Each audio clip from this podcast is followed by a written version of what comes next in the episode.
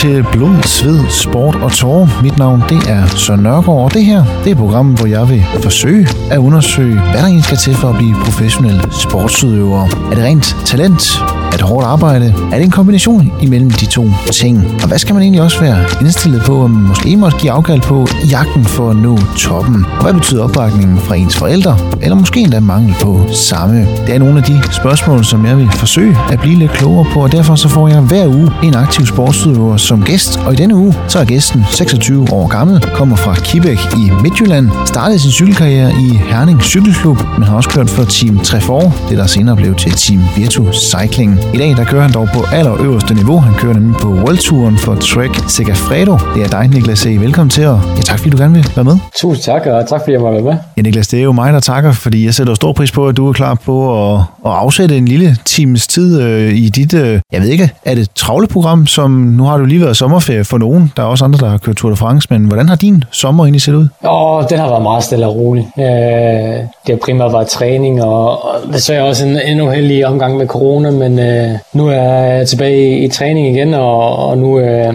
er, det, er det fuld gas på den front, så der er nogle gode lange dage ude på rammen, og så ellers bare fokus på at få restitueret ind imellem passene og så videre. Jeg er lige nødt til at høre ind, uh, corona, det er jo desværre noget, som uh, rigtig mange er blevet ramt af, og nok heller, du er nok heller ikke den sidste, men uh, hvordan har det ligesom påvirket? For at, blev du hårdt ramt, uh, eller hvordan har formen nu herefter? Jeg vil sige, formen er nok i uh, noget, noget hårdt ramt, men det er jo som konsekvens af, at jeg var inden for i 10 dage i karantæne her i Spanien. Så øh, det er i hvert fald lige øh, det, jeg arbejder på at få råd bod på nu her. Men, men, men hvad er sådan øh, eftervirkninger, udover selvfølgelig formen, den skal lige bygges op igen, men, men er du ellers så nogenlunde tilbage på 100%? Altså har du nogle bivirkninger af det? Eller? Nej, ikke umiddelbart. Altså vi får lavet en masse øh, test af hjerte og lunger osv., inden vi får lov til at konkurrere igen, og det er alt, øh, alt sammen noget, jeg er kommet fint igennem, så på den front der er jeg ikke øh, nervøs, men uh, man har jo læst uh, om, uh, om folk, som får uh, for eksempel meget nedsat uh, lungekapacitet, og, og det er jo noget, jeg helst gerne vil undgå, fordi det er også afhængigt af, at mine lunger de fungerer. Jamen så lad mig spørge ind til, at du så, du har jo lige her i weekenden kørt det første løb, må det så være efter, efter corona også sommerferie uden, uden, uden løb. Hvordan var det så at være tilbage på cyklen igen? Også i løbsammenhæng? Det var rigtig fedt at komme tilbage og køre cykelløb og få sat nogle rygnummer på og, og mærke feltet og adrenalin på mig igen, men øh, jeg må også erkende, at det hoved og ben, de, øh, de var ikke helt enige om, hvad der skulle ske, men øh, ja, altså det var godt at komme i gang igen, og jeg ved også godt, at jeg skal starte et sted for ja, ligesom at komme videre med, med form Og hvad, øh, nej, inden vi begynder at skal snakke om, hvad der ligger og venter dig fremad her i, i efteråret, så synes jeg egentlig, at vi bare skal kaste os tilbage i, i tiden, fordi vi, jeg vil gerne høre meget mere om ja, både din vej ind i cykelsporten, og selvfølgelig den rejse, du har været på, op- og nedturene undervejs, til der, hvor du egentlig står i dag. Så Niklas, øh, jeg tænker over, ja, den næste times tid, der, øh, der skal vi ligesom det hele igennem, så lad os springe tilbage til begyndelsen. Hvornår begyndte du egentlig at, at køre cykel? Ikke bare øh, fordi, at det alle danskere skal jo kunne cykle, men, men sådan øh, melde dig ind i cykelklub og sådan noget. Hvornår, hvornår Hvornår startede det? Det starter helt tilbage i 2004, hvor øh,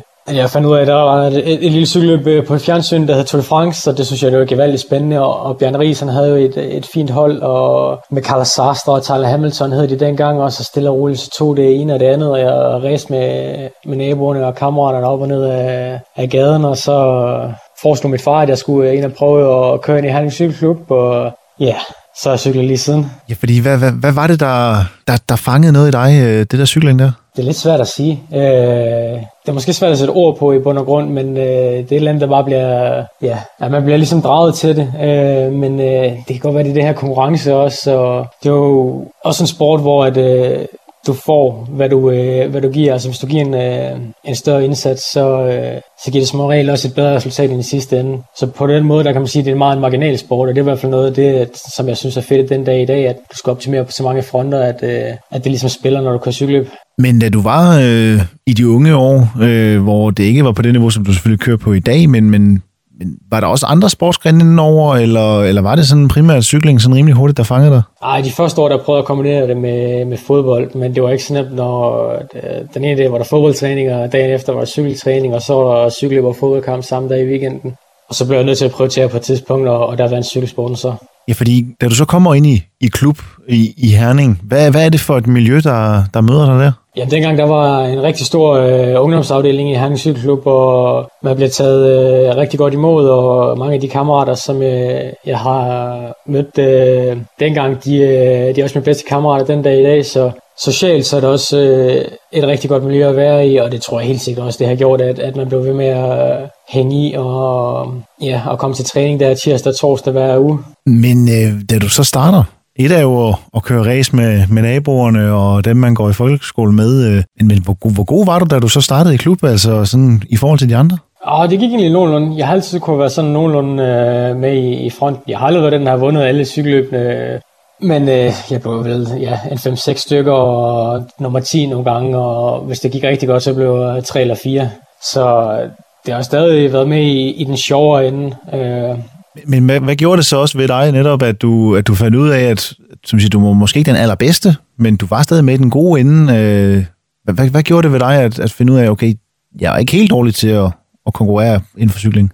Selvfølgelig så, så gør det også, at man bliver ekstra motiveret. Altså, jeg kunne ikke forestille mig, at, øh, at der er nogen, der, der oplever det, og så tænker jeg, at ah, det, det er ikke lige så meget mig. Så til at starte med, der synes jeg i hvert fald, det var meget fedt, og og stille og roligt, som jeg også voksede til at starte med, da jeg var meget lille, men så øh, begyndte jeg at vokse, og det gjorde det også lidt nemmere, jeg, jeg kunne lige pludselig være med lidt længere frem, og også på, på internationalt niveau, niveau senere hen, så øh, det var også en, øh, en stor motivationsfaktor. Ja, for inden vi kommer til den, den internationale del, så tænker jeg, at der er vel også nogle step, der hedder, et af man selvfølgelig kører i, i den lokale klub med, med de lokale medlemmer, men, men hvor lang tid går der før, at du begynder at, at køre med på nationalt niveau også, altså køre øh, mod, mod de andre store talenter, der også er i Danmark? Ja, man begynder egentlig relativt tidligt at køre i hele landet, øh, allerede som øh, ja, måske U13.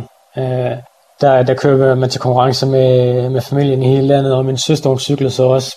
Så det var hele familien, der var afsted med, med campingvognen bag bilen, så der er i hvert fald øh, nogle, gode, øh, nogle gode weekender at se tilbage på. Og netop familie, ja, du, havde, du har en søster, som også cyklede, da, da hun også var yngre. Øh, hvad, hvad betød det netop, at, at, at både du havde hende også til cykelsport? Altså selvfølgelig, du er mand, og hun er, er kvinde, men, men kunne I, hvordan kunne I bruge hinanden øh, i de unge år? Det er svært at sige. Altså, det er jo... Øh det var vi forskellige. Vi kunne ikke rigtig træne sammen på grund af niveauforskellen og så videre, men jeg synes, det var stadig det var fedt, at øh, jeg har en søster, som, øh, som cyklede, og, og det gjorde også, at vi havde et rigtig godt samlingspunkt i, i familien om, øh, især i weekenderne, når vi var afsted, men øh, det gjorde det også nemmere for øh, mine forældre at koordinere det hele, fordi vi begge to var til træning tirsdag og torsdag på samme tid. Så jeg tror da i hvert fald helt sikkert, at det har været med til at hjælpe os på vej, at øh, vi begge to dyrker den samme sport. Og hvad så opbakningen fra, fra forældrene? Altså jeg tænker, at de, de i første omgang selvfølgelig er glade for, at ens barn gerne vil, vil gå til en sport, men, men hvordan havde de det med, at, du, at det lige blev cyklingen? Åh, oh, det, det må du næsten spørge dem om jo, men jeg tror måske, at min far han var lidt smule ked af, det, at, at det ikke blev fodbold, men i den sidste ende, så, så har de været de bedste. Øh, og de har virkelig støttet øh, både min søster og jeg hele vejen igennem, så der er ikke en, øh, en finger sat på den support, vi har fået. Nej, for nu siger du netop, at de var jo også med rundt øh, med campingvogn øh, hele landet rundt. Altså, det der med, at man, man har familien med på tur, fordi selvfølgelig er man ude og konkurrere, men man har også stadig familien tæt på. Det betyder vel også meget, at netop at de vil afsætte deres weekender. Ja, præcis. Øh, det, det har betydet alt, og mine forældre de har været helt fantastiske på den front der. Og ja, som sagt, så har vi jo campingvogn med rundt til, til weekenderne, og, og for, ja, fra fredag til søndag, så sov vi der, altså vi var tæt på start, og mor hun lavede mad, og far pumpede cyklen og så videre, så de har, de har virkelig haft en stor øh, indflydelse på, øh, på min søster og jeg cykelsport. Og hvordan i selve, selve klubben? Fordi altså, selvfølgelig er det dejligt at have, have ens forældre, der, der bakker op om, om det, man går og laver, og senere hen er det jo så også blevet din, din, din hverdag med, med all på cykling. Men, men selve cykelklubben, nu siger du selv, der var, der var træning tirsdag og torsdag. Hvor, hvor meget træner man øh, cykling, øh, og hvordan træner man? Ja, altså hele de yngre klasser, der er det jo måske næsten bare nogen, der kun træner den der tirsdag torsdag øh, et par, et par timer hver gang om aftenen. Men øh, for mit vedkommende, der har det altid været lidt mere. Jeg har altid nyt at komme ud og, og køre efter skole også, og, og køre race med, med kammeraterne hjemme fra, fra folkeskolen, og prøve at overtale dem til at komme ud og køre, køre lidt race. Øh, så i de unge år, der er det måske ikke sådan helt alverden, men det bliver stille og roligt mere, øh, jo ældre man bliver. Ja, fordi hvornår, hvornår lægger du på? Nu siger du selv, altså selvfølgelig det der med at køre, køre race, altså det har altid et eller andet sted ligget i dig, men hvornår begynder du sådan helt konkret at, at lægge endnu flere timer på, på landevejen? Jamen, man kører jo de her forskellige klasser, u 11, u 13, u 15, u 17 og så videre. Og det kommer egentlig lidt med, når man skifter klasse, så begynder man at træne lidt længere om aftenen og så videre, og træne med nogle af de større. Og på et tidspunkt, når man bliver u 17, så øh, kommer man også op at træne med, med seniorafdelingen ind i, ind i Herning Klub. Og det er jo for alvor der, hvor der kommer nogle flere timer på, og man kører nogle famøse lørdag- og søndagstræninger hen over vinteren, hvor det, øh, vi har en, øh, en gammel herning-legende, som virkelig svingede pisken og, og så for, at vi fik øh, lov til at arbejde for sagen. Og netop din træner i cykelklubben, kan du fortælle mig lidt om, da, da du først kommer ind i Herning Cykelklub, hvad, hvilken rolle spiller trænerne? Jamen, de spiller også en, en stor rolle. De er jo med til at sørge for, at vi bliver ved med at komme til træning. De har altid sørget for at lave et, et, et program, som vi synes, der var, der var fedt og, og spændende, og samtidig udfordret os tilstrækkeligt. Så de, øh, de har helt sikkert spillet en stor rolle, og Herning Cykelklub de har været utrolig heldige der, og de har altid haft nogle, nogle kompetente og, og rigtig fine trænere, så jeg synes også, at klubben øh, fortjener et stort gave for, for det arbejde. Ja, fordi hvor længe, hvor længe var du i Herning Cykelklub? Jo, det har jo egentlig i bund og grund øh, været øh, altid. Øh, helt fra jeg var U11 til jeg skiftede til Team Trefor i øh, 16, må det være. Og det var stadig den sidste overbygning i forhold til, til moderklubben, øh, Herning Cykelklub. Men hvordan synes du selv, din, din udvikling den så ud i, i de unge år? Altså du siger selv, på et tidspunkt, der vælger du mellem fodbold og, og cykling, og der blev det så cykling, for det var måske det, det største potentiale, det lå. Men, men, men så hvor lang tid går der? Hvordan ser udviklingen ud for, for Niklas E. fra han begynder til cykling til, til han lidt op tager det næste skridt til Trefor? Ja, altså det, til at starte med de første år, der går det relativt langsomt. Altså selvfølgelig bliver man hurtigere og hurtigere, men jeg var stadig mindre end min jævnaldrende, så jeg var lidt øh, udfordret på den, den, på den front, men øh, lige så stille og roligt så kommer jeg efter det og, og bliver mere konkurrencedygtig, og det er sådan for 11 år som uh, U17-rytter, hvor at jeg, jeg har indhentet uh, forskellen og, og virkelig begynder at udmærke mig, især i, i det kuperede terræn. Ja, fordi hvad gør det netop ved dig? Altså, fordi jeg tænker, eller er det noget, man tænker sådan videre over, når man, når man stadig er de der 13, 14, 11 år gammel, altså i forhold til, at du, du kan godt se de andre, altså du træner også, lægger også mange timer i det, men, men de andre er stadig bedre end dig. Hvad er det, der gør, at du, at du bare bliver ved med at klø på? Ja, det er svært at sige. Jeg tror i bund og grund bare, at jeg godt jeg kunne lide det. Øh, og vi havde som sagt det her utrolig gode sociale miljø også, og mine bedste kammerater, de var inde i cykelklubben, så det var nemt at komme ud og træne og komme til træning. Så det har egentlig aldrig været noget problem. Men øh, man ved også godt, i, i de yngre klasser, der er stor forskel på, hvor udviklet man er rent fysiologisk. Og øh, jeg håbede måske lidt på, at jeg stadig havde noget at hente på den front, øh, for jeg kunne godt se, at jeg, jeg ikke øh, var lige så høj som alle de andre.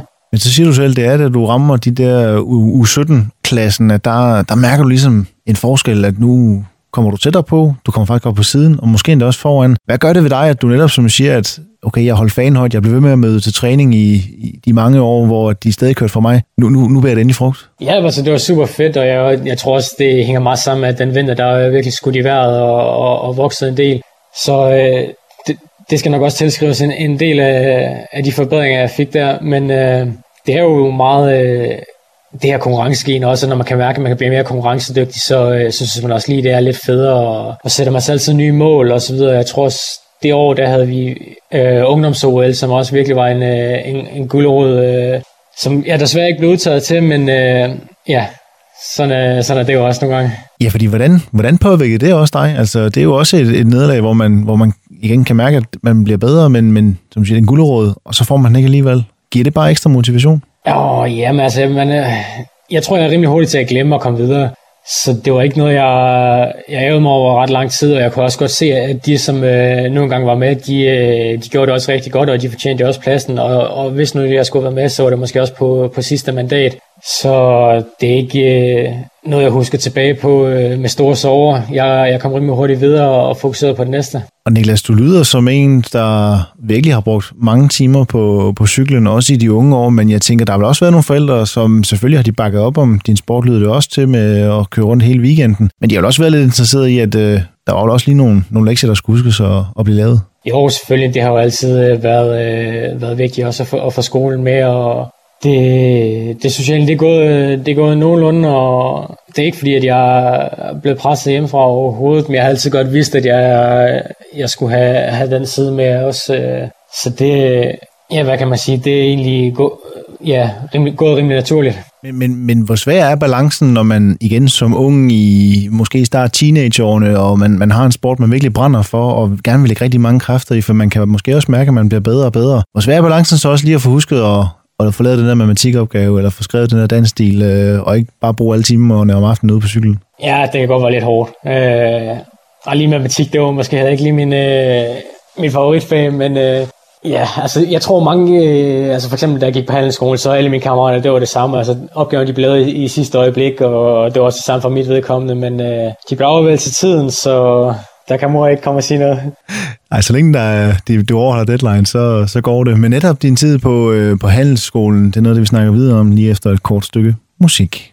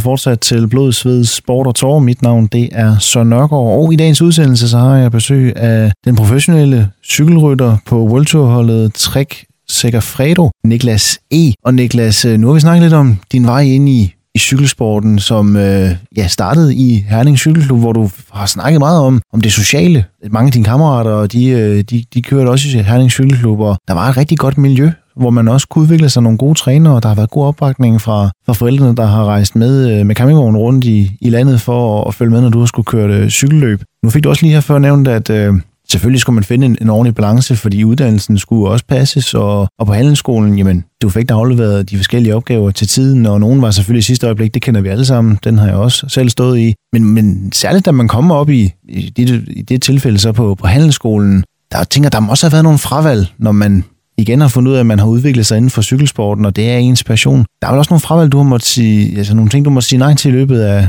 af tiden på handelsskolen? Ja, selvfølgelig. Der vil altid være nogle øh, handelsskolefester og så videre, og man kunne ikke bare tage ud og feste hele sommerhalvåret, øh, selvom man måske gerne vil med øh, til sommerfest eller noget lignende, men der skulle man køre cykelløb, og det var nu gang det, jeg prioriterede dengang, og det havde jeg nok også gjort igen. Men hvordan i forhold til, altså, hvor, altså, hvor, hvor svært et valg var det trods alt dengang, og, og netop som du siger, skulle man tage festen med fredag, eller nej, det kunne man ikke, fordi der var, der var, øh, der var det her løb lørdag, altså følte du dig på en måde udenfor øh, i løbet af dine år på handelsskolen, eller, eller blev du accepteret sådan rimelig godt? Jeg gik i en sportsklasse, så det var egentlig øh, ret, ret respekteret, så det var ikke øh, noget der overhovedet, men øh, jeg tror egentlig heller ikke, jeg tænkte så meget over det på, på tidspunktet, fordi at jeg var så fokuseret på, på cykelsporten, og, og så når sæsonen den er slut, så tager man så revanche for, øh, for det, man ikke nåede hele, hele året, og, og give en fuld gas i to-tre måneder, og så, så er det ikke noget problem at holde sig helt på resten af året. Men netop det der faktum, at du rent faktisk var i en sportsklasse, hvor folk nok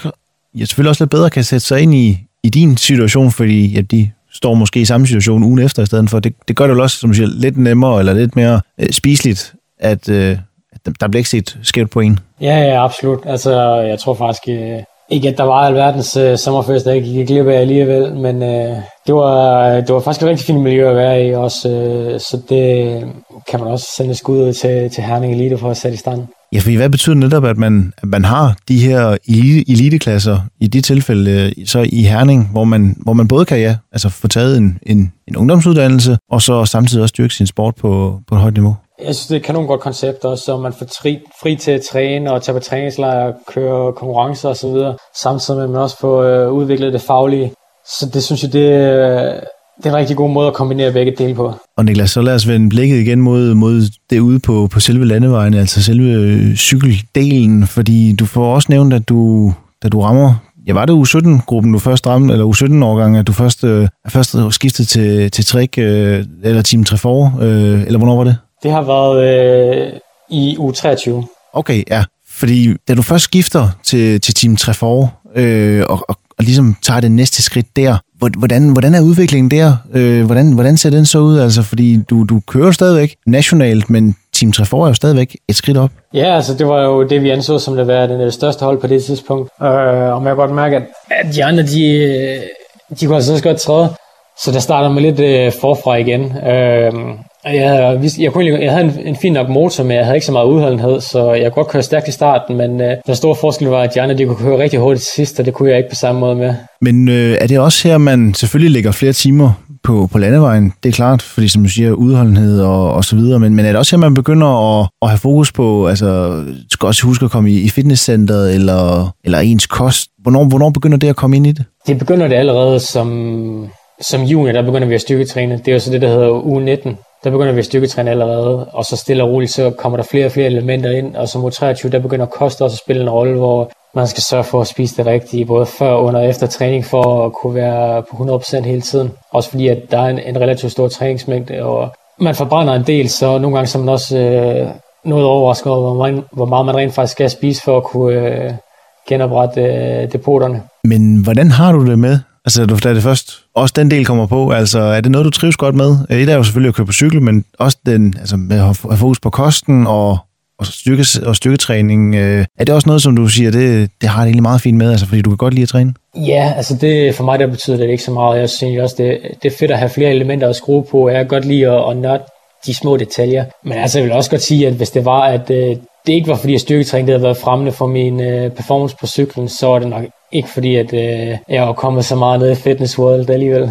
Ja, fordi hvor meget, hvor meget fokus har du også i dag, men så sandelig også dengang? Altså, hvor meget, hvor meget, hvordan er balancen for at være på cyklen og, og i, i stykkelokalet? Det er primært om vinteren, at vi er meget i stykkelokalet, måske en to-tre gange i ugen. Og så burde man egentlig holde det ved lige også i, i sæsonen, måske en enkelt gang i ugen. Øh, men det kan nogle gange godt være svært at, at få struktureret ordentligt med, i forhold til konkurrencer og træningslejre og så videre, så det kan godt være, der går lidt længere imellem os. Og lad mig så høre ind til igen opbakningen fra, øh, fra forældrene, fordi det virker jo allerede til, at du tager skridtet fra Forhandlings Cykelklub til Team 3 for man tager et skridt mere op, og det er vel der, hvor du, det er vel der, du lægger dig fast på, at nu, nu er det cyklingen, som, som jeg går lidt på? Ja, altså dog, øh, fordi at jeg gik også på Aarhus Universitet, under Aarhus Universitet på samme tid, så det var, det var også lidt at se til rent fagligt. Men øh, det er måske først sådan i 17, at det for alvor går op for mig, at, øh, at det er reelt muligt for mig at blive professionel året efter, og så, øh, så går jeg bare benhårdt efter det. Hvorimod tidligere, der havde jeg måske gjort det mere, fordi jeg synes, at det var, det var sjovt og fedt, men øh, jeg måske ikke helt troede på, at jeg havde det, der skulle til for at blive professionel. Men hvad var det så, der gjorde, at, at du lige pludselig havde troen på, jeg kan blive professionel? Det gik rigtig godt. Øh, både øh, ja, primært internationalt i de løb, hvor det, hvor det gik meget opad, der, der, der har jeg virkelig forbedret mig meget, og jeg har fået udbygget min udholdenhed, som jeg måske havde problemer med året før. Og så øh, begyndte det lige pludselig at blive rigtig spændende, og vi kører mange af de her rigtig store udtagelsesløb med, med U23-landsholdet, som øh, betyder meget for, hvad man har muligheder rent øh, professionelt året efter. Så sæsonen blev meget centreret om, omkring de her løb, hvor at, øh, jeg virkelig prøvede at ramme den lige i røven, og, og det gik heldigvis rigtig godt. Men netop det her med at gå fra, fra nationale løb til pludselig at kunne køre internationalt. Nu kører du ikke bare mod de bedste i Danmark, nu kører du altså pludselig mod de bedste i verden. Det er jo også et altså, kæmpe, kæmpe skridt. Det er det, det er det. Også fordi, at øh, i udlandet, der, der har kørt mange bjerge og så videre, øh, hvorimod i Danmark, der, der er det meget fladt terræn, hvor jeg har fysikken lidt imod mig. Og selv den dag i dag, hvis jeg skulle køre cykel i Danmark, så ville jeg jo blive kørt øh, sønder sammen, fordi at jeg ikke har de fysiske øh, karit ja, øh, fysiske forser til at, ligesom at, at udmærke mig i det terræn. Men øh, det kommer heldigvis til udtryk i udlandet, og jeg skylder også en stor tak til, til U23-landsholdet og Team Danmark for ligesom at have, have givet mig chancen for at komme med og køre de løb her, fordi ellers så, så er jeg helt sikkert aldrig på professionel. Nej, fordi hvad betyder det nemlig også, at man, at man får chancen som ung og kommer ind omkring, øh, som du siger, DC, altså ind omkring landsholdet, og, og netop får muligheden for at snuse til den internationale del af det også? Det betyder rigtig meget. Også fordi der er også en god support hen i Team Danmark og, og landsholdet. Og, og det er jo meget de her internationale U23-løb, som, som der bliver set meget på fra de professionelle hold. Så hvis man kommer med at køre der og kan gøre det godt, så, øh, så kender de også ens navn og holder øje med en. Så det, det har helt sikkert også spillet en stor rolle. Og Niklas, det er jo også øh, i, i den her periode, hvor, hvor som du siger, du, du var stadig på Aarhus Universitet, så der var også uddannelsen ved siden af. Men det er også her, du ligesom finder ud af, at okay, nu kan jeg måske godt blive professionel. Altså opbakningen fra forældrene, den har, har den altid været der, eller var de også sådan stadigvæk sådan lidt, ah, cykling, det, det er måske ikke den vej, du skal gå, eller hvordan, øh, hvordan i takt med, at du også har udviklet dig i en positiv retning? Ja, de har faktisk egentlig altid støttet 100% op om det, så det er jeg virkelig også glad for, at, øh, at de har, har villet, og der har aldrig været noget øh, pres overhovedet, men de har altid givet mig de forudsætninger, som øh, var bedst muligt for ligesom at excellere både øh, på, på skolefronten, men også øh, i sporten. Og det er jo kun dejligt at høre, Niklas, at, øh, at familien bakker op, og det, det er jo også sådan, jeg tænker, det, det burde være, når ens børn, de, øh, de, de jagter noget 100%, så skal man selvfølgelig bakke op omkring det, og du har jo så vist, at du, øh, du kunne gå hele vejen, fordi lige pludselig så blev der altså også lagt rigtig meget mærke til dig fra Worldturen. Træk de, øh, jeg har læst noget med, at det var egentlig Mads Pedersen, som, som i et løb prikkede dig på skuldrene og sagde, at der var en, der gerne ville snakke med dig på et tidspunkt. Øh, det var sådan, det kom i stand, eller hvordan? Ja, det er vist rigtigt nok. Øh, vi kørte øh, DM i 17, hvor han prikker mig på skuldrene og siger, Kim, han vil gerne tale med dig. Og Kim, han er jo han er sportsdirektør på holdet, og han har bidt mærke i nogle af resultaterne i løbet af foråret, så men så endte det så med, at Mads han vandt løbet, så det blev ikke rigtigt til noget. Så jeg gik i et par uger og bare tænkte, nå, jamen det var nok bare det. Men så heldigvis så hørte jeg sig fra med senere hen, og, og Kim han ringede, og ja, og så i sidste ende, så, så lavede vi en aftale for næste år, eller året efter. Men, men hvordan er det så pludselig at, på et af man, man, man får troen på, at man kan bryde igennem, hvordan er det så pludselig også at mærke interessen den anden vej? Det gjorde mig lidt nervøs, må jeg nok Øh, erkende, øh, for jeg vidste også godt, hvad der var på spil, og jeg vidste, at, at året efter, der kunne jeg leve af sporten 100%. Øh, så jeg vidste også, at, at hver løb det talte, og øh, inden vi kørte det sidste store udtagelsesløb, øh, eller U23-løb, øh, tog Lavenir i øh, august, der var, øh, altså, jeg var et nervevrag, for at sige det mildt. Altså, det var, oh, det var, jeg får stadig næsten dårlige nerver, når jeg tænker på det, fordi at, øh, jeg vidste, at, at min fremtid der var på spil, så at det føltes som om, jeg kørte mere end bare cykelløbet. Men det har jo så alligevel haft, øh, eller gjort det, at du, du har stadig kunne fokusere, selvom du har været det her nervevrag? Altså, er det, er det den, den mentale del, som du også har arbejdet med, som bare, som siger, selvom du var et nervevrag, så har du alligevel været så fokuseret på, at der var altså også et løb, der skulle, der skulle gennemføres? Ja, men i den sidste ende, så har jeg lagt så mange kræfter og forberedelsestimer i det, at, øh, at det giver lidt sig selv. Og lige når man sætter sig på cyklen, så tænker man ikke fremtid overhovedet, så tænker man kun uh, i momentet. Uh, ja, og i den sidste ende, så var det jo et cykelløb som så mange andre, så det, det ligger man hurtigt fra sig. Og Niklas, hvordan det så er at, at bryde igennem nåleret og komme til, til World Tour-niveauet, altså i dit tilfælde hos uh, Trek uh, Segafredo. Det er noget, det vi snakker videre om lige efter et kort stykke musik.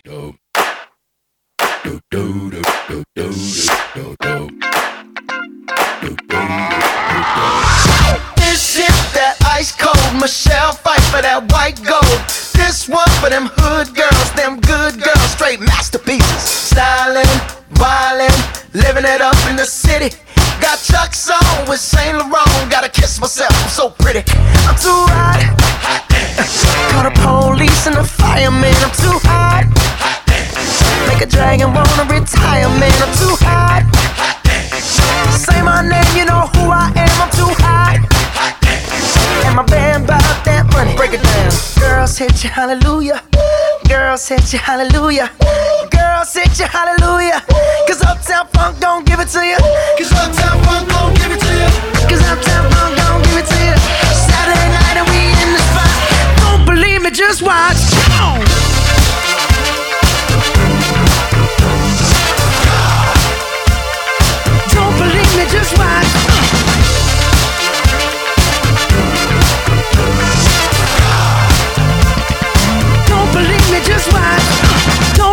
Me, just watch. Don't believe me, just watch. Don't believe me, just watch.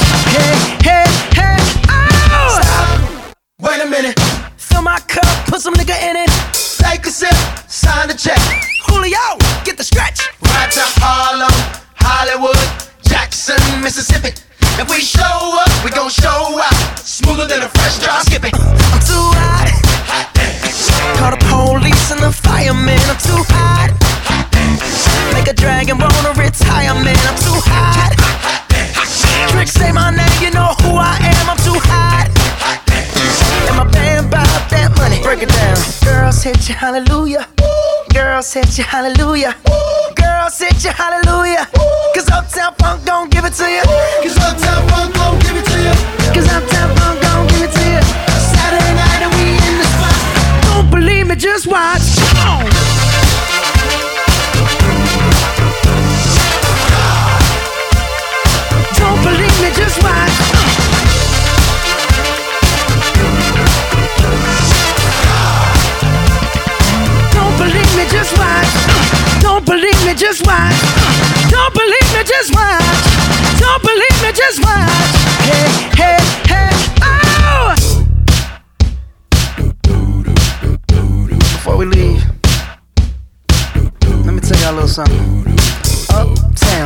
Funk you up. Uptown, funk you up. Uptown, funk you up. Uptown, funk you up. Come on, dance, jump on it. If you said and flown it, if you freak dead and own it, don't brag about it. Come show me. Come on, dance, jump on it.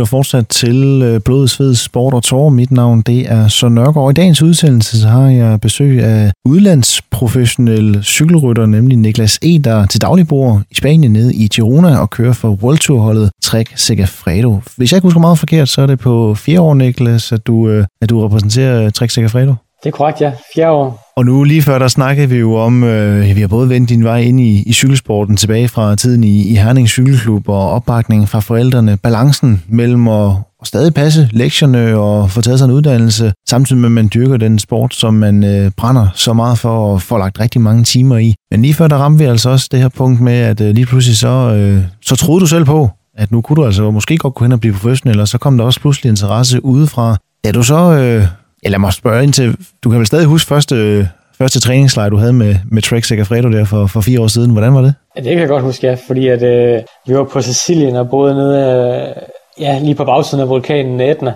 Og der sker simpelthen det, at øh, en af de første dage, der bliver jeg knaldhamrende syg. Øh, så jeg ligger bare, det står ud af begge ender på mig og får soloværelse, så jeg er egentlig ikke rigtig så meget en del af den første uge, inden jeg kommer, kommer nogenlunde til mig selv igen, og så Ja, første, første træningslejr, der boede jeg på værelse med Bauke Mollemør, jeg var jo totalt starstruck jo. Altså, jeg tog jo ikke sige uh, sit pip på værelset. Nej, fordi hvordan var det pludselig at ikke bare måske have prøvet at køre med nogle af de store stjerner, men nu er du altså også på hold med, med nogle af de store stjerner? Ja, altså det var, det var stort, for det dem, jeg altid har set på tv, og i den sidste ende, så var det det, jeg også altid havde drømt om at være en del af et World Tour hold. Og man mærker også bare, at når man kommer på træningslejr, så sætter op, at det er noget helt andet. Der, alt det kan ganges med 10 i forhold til, hvad jeg tidligere har været vant til, så det var, det var kæmpestort. Men jeg tænker også sådan miljøet, øh, for nu har du, har du først været vant til at køre et miljø på, øh, i Herning Cykelklub, hvor det var sådan meget som det sociale, der vægtede højt, og alle dine kammerater var der, og så et step op, når man rykker til, øh, til Team Trefor og til, senere Team Virtus Cycling. Hvordan, hvordan var miljøet så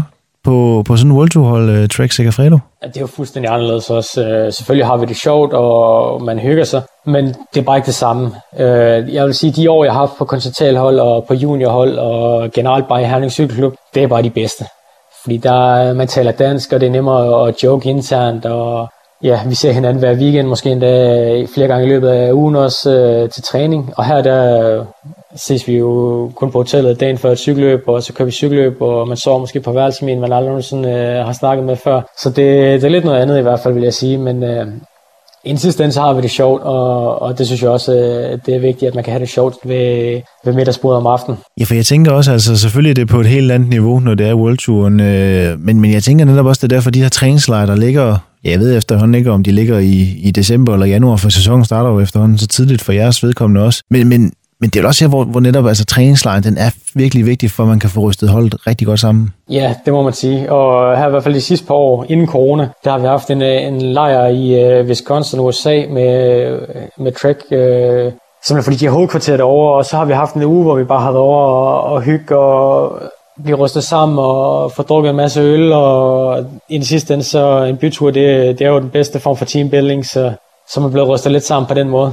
Og så kan det også sagtens hende, at der går et helt år, før man ser alle holdkammeraterne igen, fordi der er jo nogen, man, man kører fuldstændig vidt forskellige programmer af. Ja, for det skulle næsten til at høre, når første sæsonen, den, den, den kører. Altså, øh, I har ikke sådan øh, en-to gange om året, hvor man, hvor man simpelthen kan samle hele holdet, for der er måske lige en, en uge, hvor der ikke er løb, så kan man mødes en onsdag øh, igen, måske i form af noget sponsorarrangement eller et eller andet, eller det er simpelthen, fordi sæsonen er så tætpakket, at der er kun den ene gang om året, man mødes, måske Alman. Præcis, altså der er jo nu måske 10 af mine holdkammerater, som jeg ikke har set siden, øh, siden træningslejren, fordi vi kører forskellige programmer.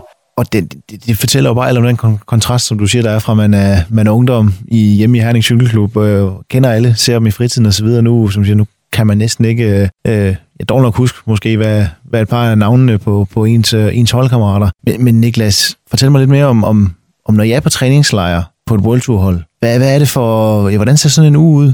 Eller 14 dage, var en lang tid med noget sted. Jo, men den minder egentlig meget, øh, eller den er meget ensformig som regel, så står man op, så træner man klokken 10, så måske hjem til frokost igen ved en trætiden, og så hver anden dag, så har vi massage, og ellers så slapper man bare af. Øh, der er måske nogen, der spiller pool, og andre de slapper af på kammeret, eller går i, øh, i spa, eller noget lignende, så det bliver hurtigt tid til aftensmad igen. Og så sidder man måske lidt i lobbyen på hotellet, eller nogle de går måske også bare op på kammeret og, og slapper af, og så kører det egentlig bare igen dagen efter. Men nu, øh, nu er det så din fjerde sæson, du kører på, på Trek Segafredo her. Øh, jeg vil gerne lige tage dig med tilbage til du først, øh, altså den første, det første år din kontrakt på, på Trek-holdet. Der kommer du som, som en ung, øh, stadig ung, 26 år gammel bevares, men, men der kommer du ung dansker ind på et helt nyt øh, hold, et World Tour hold. Hvad, hvad er det for et mindset, du går ind til, til den træningslejr med, og den sæson med? Fordi du skal jo også ind og bevise, at jamen, der er jo en grund til, at de har skrevet kontrakt med dig. Ja, absolut. Man er jo øh, top 10 for at vise frem fra den bedste side, og man kommer egentlig allerede på træningslejren i december, hvor øh, man er, har en fin form. Det endte som jeg blev øh, syg, så øh, form den, øh, den, den øh, tog lige vel af det også, men øh, ja, så sidenhen så har man jo fået at vide også, at øh, når man kommer på december træningslejr, skal man bare tage den helt rolig, og ikke, øh, ikke være så liderlig, som man var som, øh, som førsteårs professional. Nej, fordi jeg tænker, altså selvfølgelig, du, øh, du kommer jo fra et sted, hvor der har du måske arbejdet op til at være øverst i hierarkiet, og nu, nu starter man jo, som du også fik sagt før, altså helt forfra. Ja, præcis, og det tager også lige nogle løb, før man lige finder rutinen, og ja, man skal lige pludselig have en masse dunke til de andre, og, men det kommer egentlig ret naturligt. Men der tager lige nogle resultater, før man ligesom finder ud af, okay, jeg kan egentlig godt være med på det niveau, og Ja, og så man prøver ligesom at finde hinanden både sådan lidt i forhold til holdet og ens egne øh, forventninger. Ja, for netop med at kunne være med på det her niveau. Altså som siger, du har måske kørt med nogle af dem før, øh, fordi du har været på, på, øh, på et øh, Team 3 for, og, og så på den måde været med i nogle internationale løb, men, men, men igen, det er jo bare en helt anden liga. Altså, hvor, hvor meget mere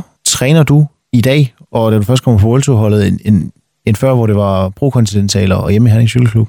Det er jo faktisk måske ikke så meget mere. Jeg tror folk de vil være lidt overrasket. Men øh, man kan jo også træne mere, fordi at det, er jo, det er jo det eneste, vi laver, så man har også mere tid til at restituere. Og det betyder, øh, det betyder, betyder mere, end man lige skulle regne med. Uh, så det er måske, jeg ved ikke, måske 10-15 timer jeg kommer lige at se i, i måneden. Måske 20 på de, øh, på de helt store måneder. Så det er faktisk mere måske, som du siger, restitutionen, som, som er en, en vigtig faktor, og så selvfølgelig kosten også ved siden af. Ja, præcis. Altså, jeg kan godt huske, da jeg gik øh, på, på skolen øh, Aarhus Universitet med undervisning fra 8 til 12, så lige at få en hurtig powernap, og så ellers ud og, og dakke den af i fire timer. Og det er, jo, det er jo bare ikke helt det samme nu, hvor det, det eneste, man står op til, det er at tage ud og træne, og, og så bagefter, så, så kan man strukturere dagen efter, at man også skal sørge for at være frisk igen. Men hvordan er den hverdag egentlig som nu fuldtidsprofessionel, hvor du siger, at cykling, det er egentlig det eneste, du skal, du skal fokusere på? Altså savner du lidt det der med at have et, et studie ved siden af nogle gange? Ja, jeg er godt nogle gange savne. Altså, det er jo også meget øh, ensformet, øh, og nogle gange skal man godt tænke, at øh, ens hjerne den er rådet i en eller anden form for de-training. Men øh, Ja, altså det, det tager også bare rigtig meget, og man kan sige, at det er jo virkelig et 24-7 job, og du skal hele tiden fokusere på at gøre det rigtige. Så det er også lidt en balancegang. Og hvad i forhold til, det kunne jeg også godt tænke mig at spørge ind til, øh, den mentale del af det. Hvor meget, hvor meget fylder det mentale spil også øh, for dig?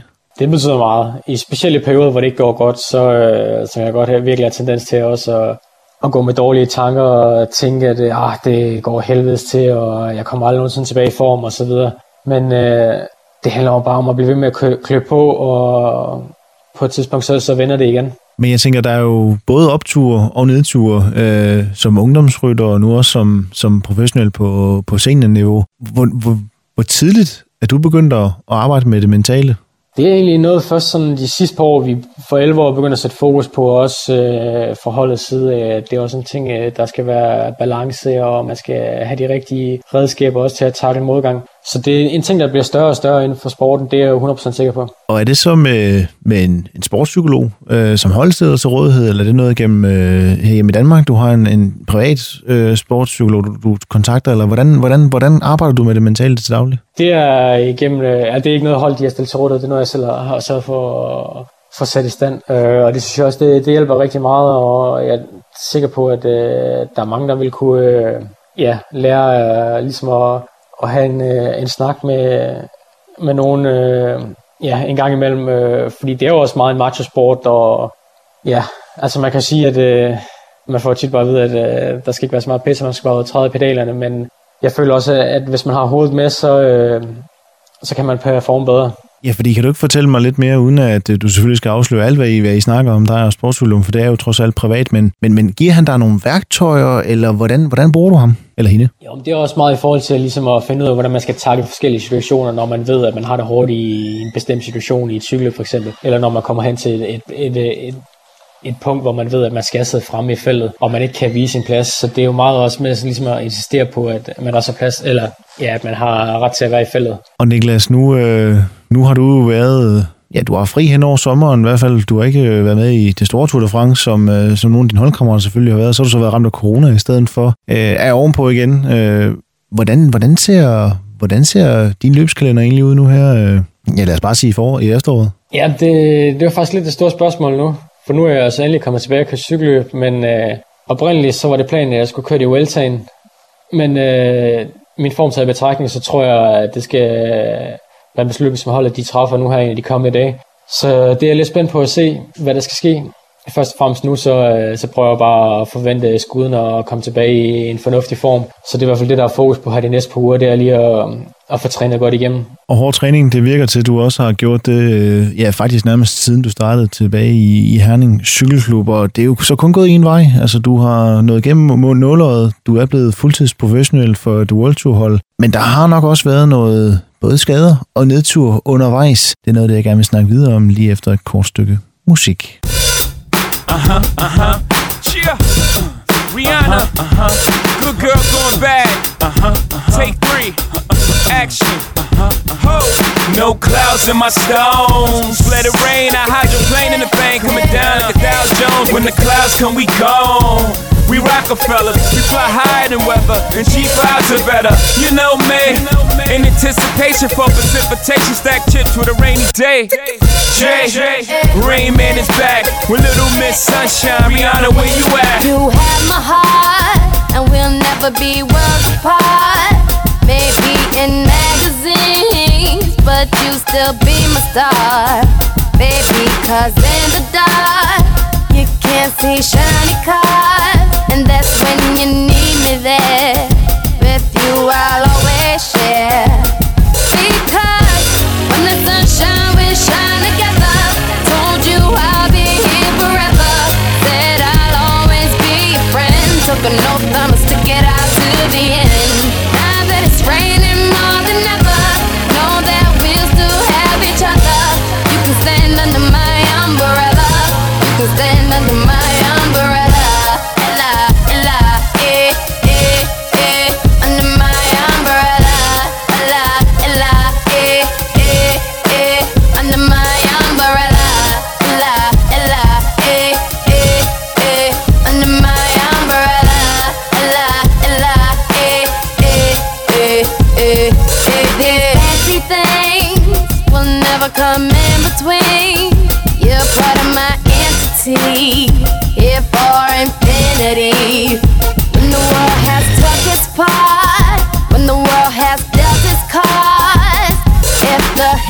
heart.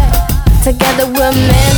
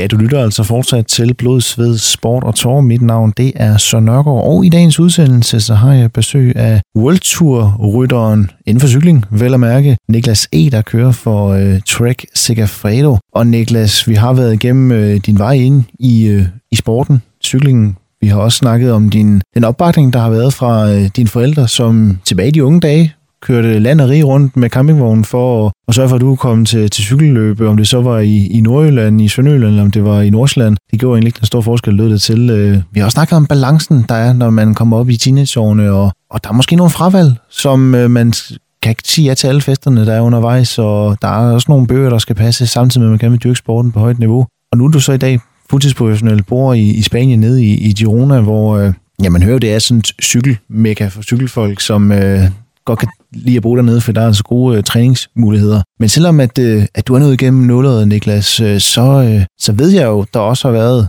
øh, en nedtur undervejs, måske endda også nogle, nogle alvorlige skader. Jeg kunne godt tænke mig at starte med, du var jo egentlig i ungdomstiden øh, nærmest på, jeg ved ikke om du var på dit højeste, men du var i hvert fald øh, rigtig højt op. Du havde lige vundet et rigtig stort løb, men så var der noget med, men med energien, der bare forsvandt. Kan du ikke tage mig lidt med tilbage til, til den gang? Altså, hvad var det, der skete? Ja, men altså jo, det var, jeg tror, det var en kombination af flere ting, som ligesom rammer på samme tid. Øh, der var noget borrelie, det som man får fra flåterne, og samtidig så blev jeg også ramt af kyssesyge. Så det, det blev en ordentlig skraver der øh, igennem et par år, hvor jeg virkelig var meget træt, og jeg havde ikke rigtig energi til at cykle så meget, som jeg gerne ville, og hvis jeg kørte en øh, time eller en halvanden, så var det næsten en succes.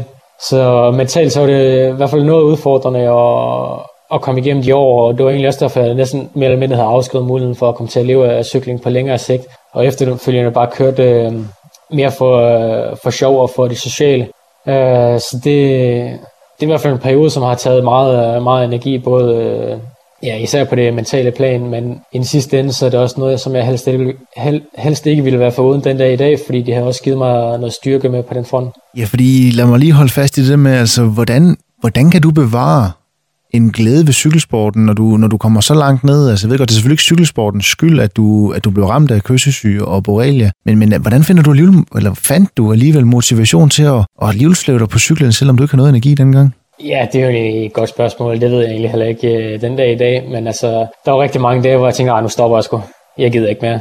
Men så i dagen efter, så kørte jeg alligevel en, øh, en tur med ja, meget lav gennemsnitsfart, eller hvad nu øh, kræfterne direkte til på den givende dag.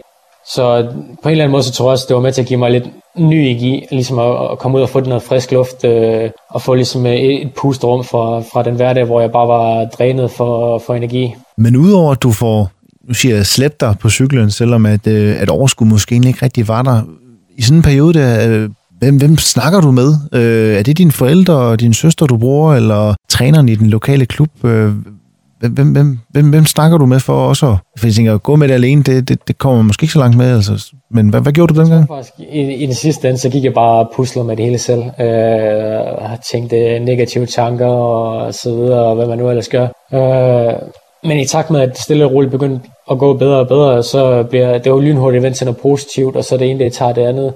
Så det var, det var en nedtur, jeg rent mentalt taklede meget af mig selv også, men selvfølgelig med støtte fra mine forældre også, og de sagde jo også, at, øh, at det ikke var fordi, jeg nødvendigvis behøvede at cykle, men det var jo i bund og grund det, jeg gerne ville, så det kom lidt af sig selv. Uh, jeg tror også, at jeg var heldig med, at, uh, at jeg gik i skole samtidig, så det gav lidt sig selv. Altså, så kunne jeg fokusere på, uh, på nogle afleveringer og nogle forelæsninger i stedet, så, så fik jeg ligesom beskæftiget mig på den måde.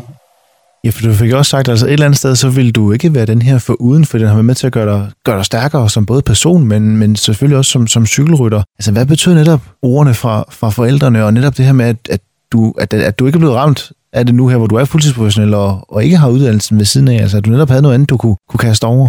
Ja, det, det betyder meget. Altså, jeg ved, at den dag, jeg er færdig med at cykle, så har jeg noget at falde tilbage og falde tilbage på, og jeg tror også, at mine forældre synes, det var en god idé, i og med, at jeg ikke kunne køre konkurrence på det tidspunkt, at jeg så ligesom øh, gik i gang med, med et uddannelse samtidig.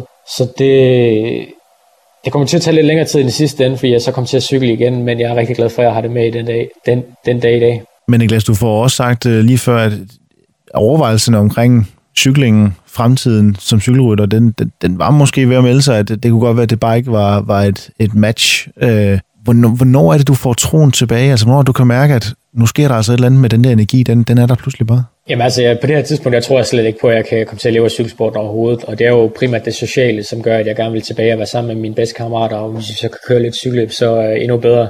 Men altså, energien den begynder stille og roligt at komme tilbage, og jeg kan være med på træningslejr med de andre gutter, og køre med ikke hver dag, men hver anden dag, og stille og roligt, så begynder jeg at kunne køre nogle cykelløb øh, i løbet af foråret i 2015.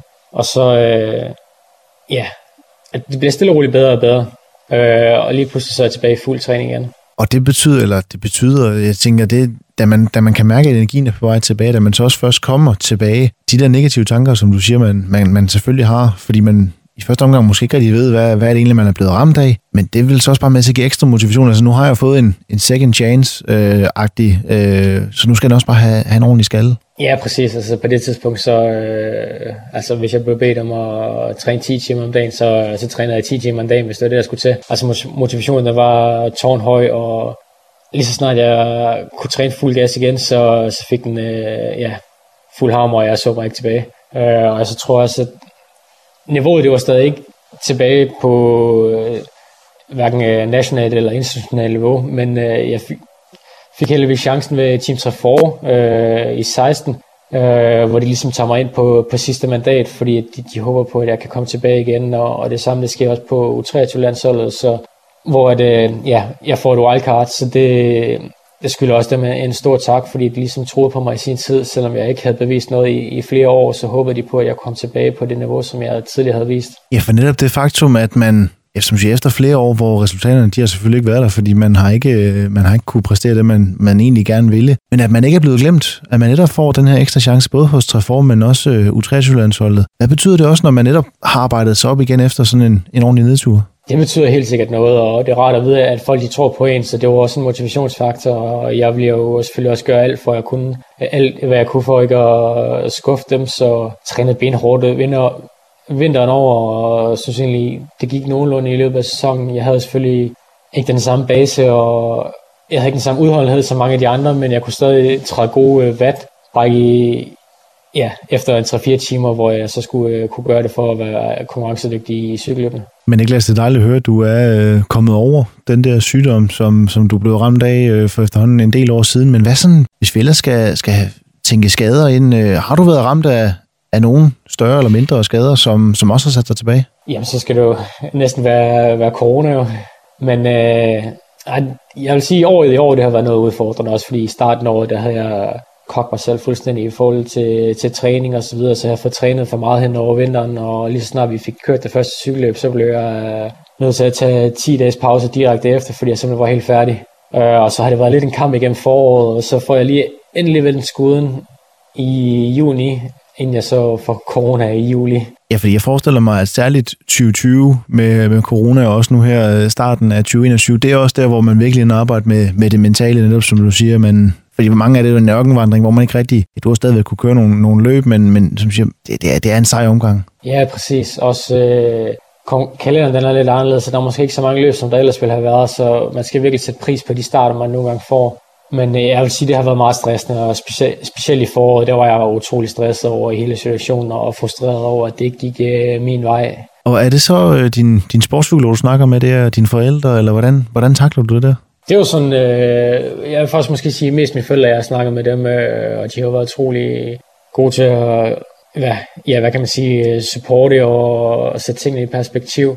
Så øh, dem har jeg i hvert fald brugt meget i løbet af foråret her, hvor jeg ikke synes, det hele har været skide fedt, og, og jeg tænker, de har været lidt oppe ad bakke. Men heldigvis, Niklas, så, øh, så er du fri af, af coronaen. Du har været tilbage på cyklen igen, også i løbsregi, og jeg håber også på, at øh, vi kommer til at se dig til, til en masse forskellige løb her i løbet af efteråret, og ja, de næste mange år også selvfølgelig. Her til allersidst, Niklas, vi nærmer os med hastig skridt uh, en teams dejlig snak. Men jeg kunne også tænke mig, sådan, hvis, du nu, hvis du nu skulle give et råd til, til nogle unge cykelryttere, som, øh, måske er lige hoppet på cyklen i Herning Cykelklub eller andre steder i, i Danmark. Hvad er det bedste råd, du kan give videre til, til unge, som ser op til blandt andet sådan en som dig, der er kommet igennem nålet og er blevet en cykelrytter på, på World Tour-niveau? Ja, det lyder måske lidt kliché, øh, men det er jo meget det her med at komme ud og have det sjovt. Det betyder i hvert fald utrolig meget, i, i specielt i, i de spæde år af en cykelkarriere. Øh, og i takt med, at man bliver ældre ældre, så bliver det jo mere seriøst. Øh, men der skal man stadig huske på at, ligesom at have det sjove element med, fordi hvis man, har, ja, hvis man går for seriøst til den allerede for tidligt, så tror jeg også, man, man brænder ud. Men i sidste ende, så synes jeg, det er alt det arbejdet værd, og jeg vil ikke øh, bytte øh, mit nuværende job for, for noget andet i verden i hvert fald. Og det er rigtig dejligt at høre, Niklas. Og øh, selvfølgelig, man skal have det sjovt med det, man laver, ellers så skal man i hvert fald finde noget andet. Niklas E., jeg siger mange tak, fordi du gerne ville være med, og så må du have fortsat rigtig meget held lykke med karrieren. Tusind tak, for at jeg måtte være med.